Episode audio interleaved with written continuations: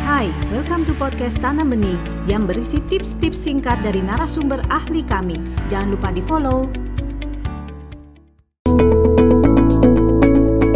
Orang tua perlu bikin rambu-rambu. Apa sih yang harus dilakukan, yang boleh dilakukan dalam masa pacaran? Dan orang tua perannya apa? Jadi teman diskusi. Termasuk nanti mendiskusikan hal-hal yang boleh dan tidak boleh untuk dilakukan atau terjadi dalam masa pacaran. Apalagi karena dia perempuan. Apa yang harus dijaga?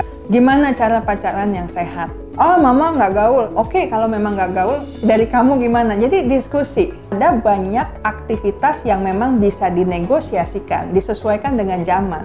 Tapi ada sejumlah aktivitas yang dari dulu sampai sekarang dan nanti nggak boleh berubah. Misalnya menjaga kesucian. Itu bukan cuma buat anak perempuan, itu juga buat anak laki-laki. Kenapa? Karena masuk ke kehidupan baru dalam pernikahan kesucian itu penting. Jadi perilaku apa saja yang boleh dan tidak boleh berkaitan dengan kesucian tadi. Ini harus didiskusikan kenapa ini jadi hal yang penting.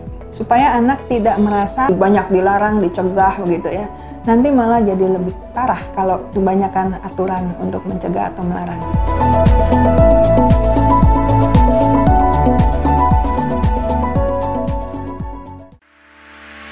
Anda baru saja mendengarkan tips dari Tanam Benih Foundation.